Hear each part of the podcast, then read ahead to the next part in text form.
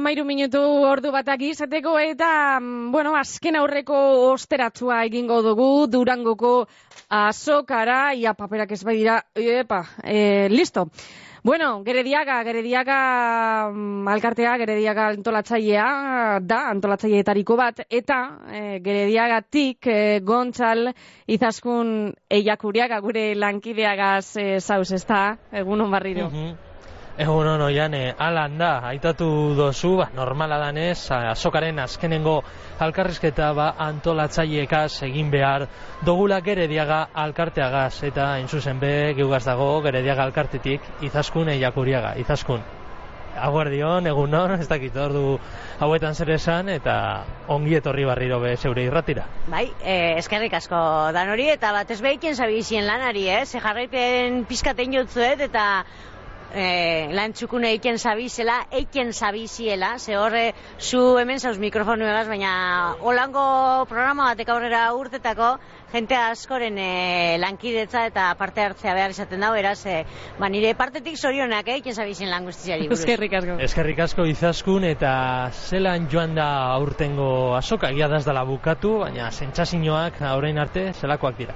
Sentsazio onak az gauz, bai. E, azoka, ba, nik esango neuke pixkat kompleto, kompleto modura hartuko neuke, ze egun, e, bueno, jentetzuak eukidoguz, e, eta atzota gaur behar bada ez aurreko hiru egunetan beste jente, baina azokako lako egunape behar dauzela esango neukenik, eh? Ze, mm, emoten dago aukerie, e, patxadi hartu, pasilloetan ibili, e, gauzak e, begiratu, ondo pentsau eta gero gustokoenaren bila joateko. Eta nik uste dut e, antolatzaile modura be e, asoka bete-beteak dana jentez lepo e, pasilloetan ibili ezinik eta hori gure dugu, baina nik e, olako egunepe estimetan duaz, e, neuk, e, neure bueltatxu egiteko, baina nik uste dut nipakarrik ez e, inguruko jente askope olango egunak estimetan dago ezela, nik uste dut asokak hori behar dauela, ez, pizkate danetarik behar dauela, eta eneko esango saltzen ez da bizenik, eh? E, jente gitxia egonarren pasiluetan, e, jentea badabil, eta jentea badabil erosten bebai. Bai, ze bizitarien zifrak jakiteko nino itxoin beharko dugu, baina esaterako bariku goizan, iruz palau aldiz itxi behar izan zen landako gunea, bai. egia da, ba, bueno, parte dietxaldetik positiboa dela, baina baita dinosuna, erosteko, ba, ha, gatxak. Bai, bai, e, bueno, ateak itxi baino gehiago behar izan gendune da, jenteari e, sartzen ez itzi, ez? Atean e, pixkat gelditu jentea, batez be ikusten gendulako ja e, pasiloetan aurrera tatzera ibilteko aukera gitxiegoala eta eta segurtasuna gaitik e, aforoa beteta egoalako eta bueno ba e, neurri hori hartu behar izan gendun. Etzan denpora luzean jentea kanpoan egon eh? Pizkate utzutzen sanean barriro izten gendun sartzen eta bueno ba ibili ginen hor e, bariku eguerdi partean e, hiru bat biderrero ariketa horien behar izan gendun.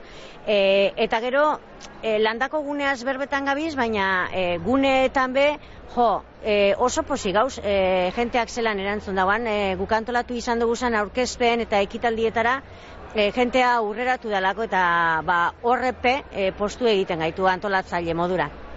Hori zan, urrengo galdera, estenatokia, irudienea, izaroko bideoklipean, kristonako kola, ilara, ointxe ikusten gabil zemendik, zagugan baran, ekitaldia, zagugan baratik, aterekin edkitik, at atara dabe eta karpa batean egiten dabilz, ahotsenea, bai. gainerako guneetan, kristonako arrakasta be.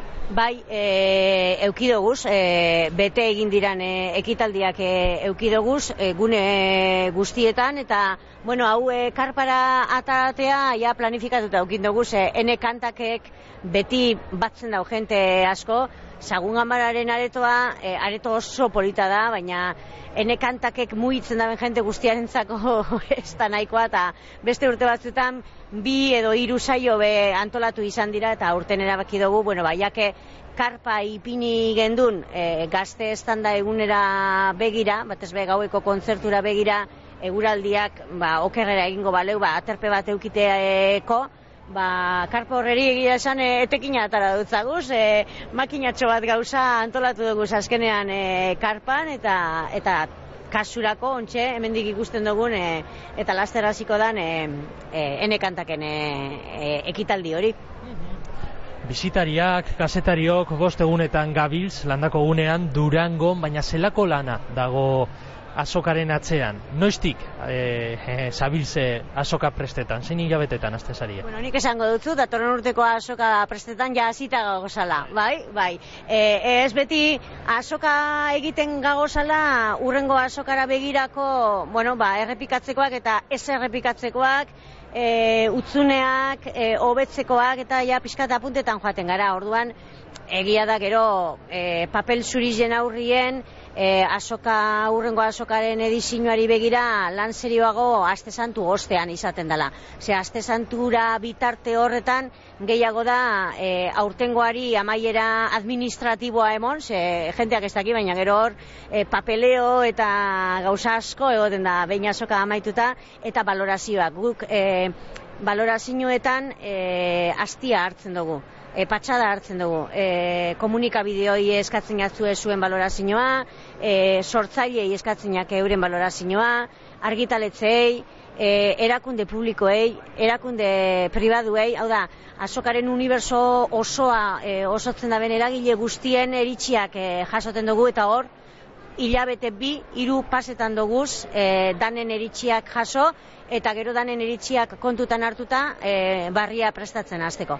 Mm Dana dala, ondino esan beharra dago, asoka ez dala bukatu. Mm -hmm. guerdiko tartetxo hau daukagu eta gaur arratsaldean dago zan bai. ekitaliak eta gauean. Adibidez bai. aurreko alkarrizketatu ba, Javi Patxon kontzertua emongo dau Javi Patxonek bedatzi tardiretan. Beraz ba, egun luze aurreti. Bera da, azkena, Javi Patxon da asoka honetako azken sortzailea.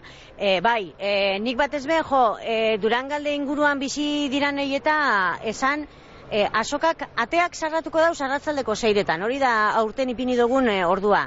E, zeiretan landako guneak itxiko dausateak, baina zazpiretan adibidez, irudienean, zugasa zineman, e, gazteak eta euskarari buruzko e, dokumental oso interesante bat dago, durangaldean kokatutako e, dokumentala dago ikusteko aukera, eta e, e, haotxenean, e, plateruena kultur e, aterpean, e, kontzertu edo disko aurkezpenetan, e, behin ateak itxitabe, beste hiru e, musikariren e, lan barriak e, zuzenean ikusteko aukerea dago. Durangora etorri ezin dauanari esan, e, Durangoko azokaren webgunean horrek kontzertu horrek, azken hiru kontzertu horrek streaming bidez be ikusteko aukerea izango dela. Eta gero bai, gabeko amarretan ja horre mongo dugu amaitutza eta urtengo edizioa.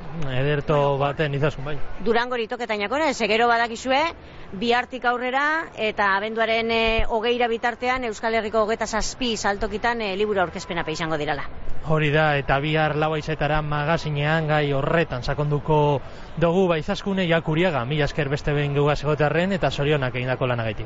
Eskerrik asko, eta eskerrik asko zuek egin dozuen lanagaitipe bai, e, tartean, e, batez be, gontzal zu hemen ibilizaralako horre atatzera eskilaran, gora eskilaran, bera, gu beste ibilten garen moduan. Bizkai